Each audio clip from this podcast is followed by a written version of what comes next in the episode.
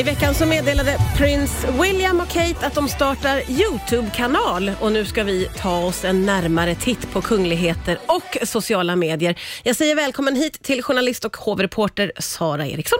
Tack snälla. Du, eh, var det oväntat att de skulle starta en Youtube-kanal, prins William och Kate?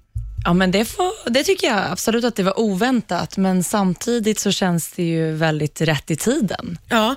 Just för att följa liksom oss vanliga människor och kunna visa upp vad man, vad man gör och vad man står för. Och Då känns ju en YouTube-kanal väldigt rätt. Ja, vad gör de på sin kanal då?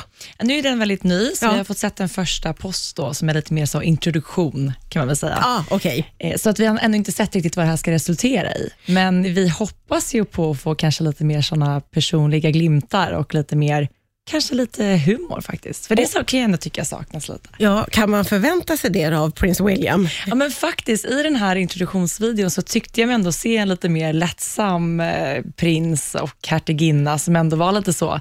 Det var liksom seriösa inslag, men sen ändå lite humor och, och lite sånt personligt. Man kan ju verkligen tänka sig att sociala medier är väldigt positivt för kungligheter eftersom det är ju verkligen en egen plattform där de själva kan välja vad som publiceras.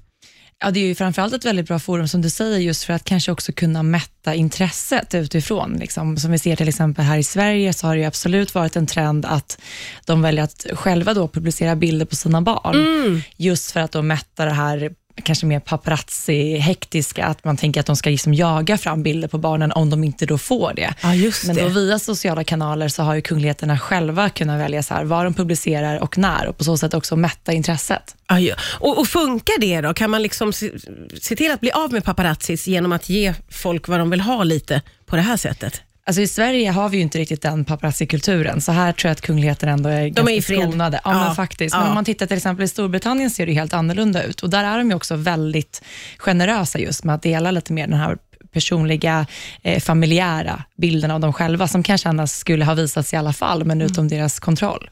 Hur viktigt skulle du säga att det är då med sociala medier för kungligheter? Jag tror att det är jätteviktigt just för att det är urgamla konstellationer och de blir allt som oftast ifrågasatta och också anklagade just för att vara så himla konservativa. Och genom att då gå den här lite mer moderna vägen och framförallt liksom i Storbritannien, det kanske var svårt att tänka sig, alltså nästa steg är att drottning Elizabeth ska ha en YouTube-kanal. Liksom. Ja, man väntar ju på det. Ja, men det hade varit någonting. Men jag tror att det behövs liksom för att lätta upp det hela lite och också få kungahusen att liksom närma sig folket. Ja. Och jag menar, titta hur vi använder sociala medier. Det är liksom ett perfekt sätt för att möta vårt användande av internet.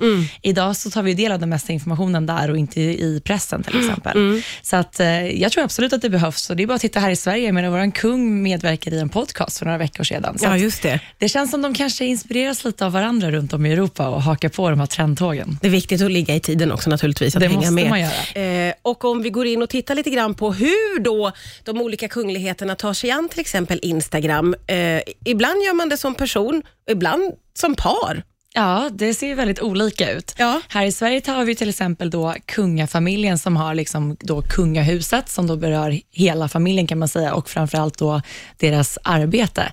Men sen har ju också prins Carl Philip och prinsessan Sofia valt att starta ett eget konto som då heter Prinsparet. Just det. Och Det blir lite mer personligt och Ja. kanske lite mer så glimtar hemifrån dem och i trädgården och så vidare. Ja. Medan liksom kungahuset är väldigt så strikt och det är inte så mycket annat än arbetet. Ja, just det. Kronprinsessan och kungen har inga egna. Nej, tyvärr. Jag hade gärna Ah. sett kungen ha ett privat konto som ändå var officiellt. Och så. Är det Men möjligt att tro att de kommer att ha det? Kommer vi att få se det tror du?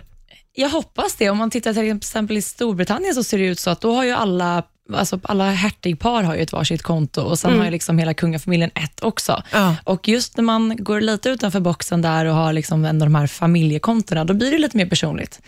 Tittar man i Norge så är det en stor trend, där har ju liksom prinsessorna egna konton som har bara berör dem själva. Ja. Och då får de ju verkligen chansen att bara visa upp det de själv vill. Till exempel Märta Louise. Man får liksom följa med henne till stallet. Man, det är ju det man är. Det är ju därför man är på sociala medier, för att få glutta på folks liv. Så är det ju. Men vad, vad visar Märta Louise upp för någonting då? Ja, Men, eh, Märta Louise hon hade ju först ett konto som hette, alltså var kopplat till hennes prinsesstitel.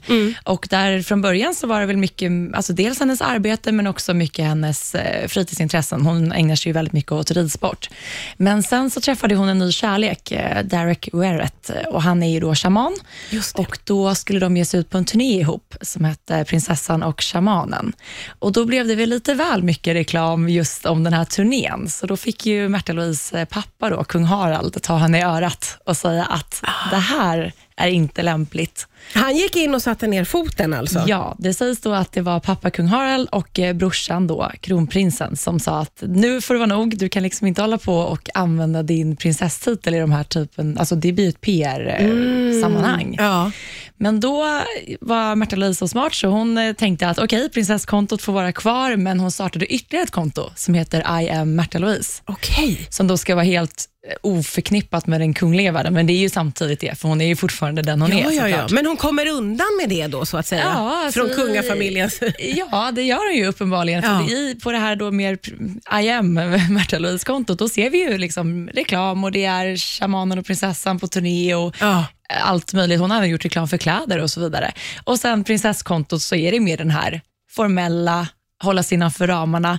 Men det är ju väldigt intressant just hur man då som person kan ha, det blir egentligen två helt olika personer fast man är samma på något sätt. Ja, jättesvårt i sig och det känns också väldigt nytt för kunga, eller kungligheter att kunna ha, eller få möjlighet att vara två personer. Det känns ju som att det...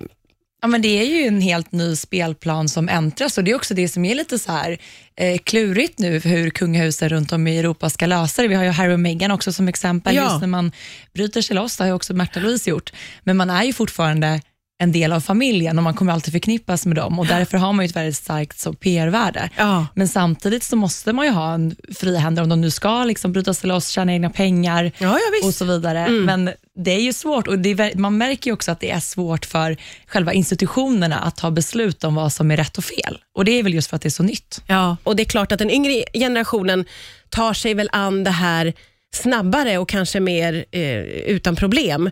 Eh, vad tror du om framtiden? Kommer vi att få se ännu mer? Blir det ännu mer privat i, i de kungliga sociala medierna? Du vet, vi kommer få fler glimtar av det riktiga livet. Ja. Jag hoppas det, men där kommer det såklart vara stor skillnad på de som utgör en del av de kungliga husen och de som nu faktiskt kapas av från de här titlarna och ska i större utsträckning också då leva ett mer privatliv där man har chansen att ja, men, studera vad man vill, jobba med vad man vill, driva företag om man så önskar. Ja. Men som vi precis pratade om så finns det ju såklart en utmaning i var man ska dra de här gränserna och vad som ska anses vara okej. För att oavsett om du är på pappret en kunglig höghet så kommer du alltid förknippas med kungafamiljen och det finns ju ett extremt starkt PR-värde i det. Ja, ja men vi pratade lite, du och jag under låten här, om prins Harry eh, och hans Meghan som ju har verkligen brutit sig loss.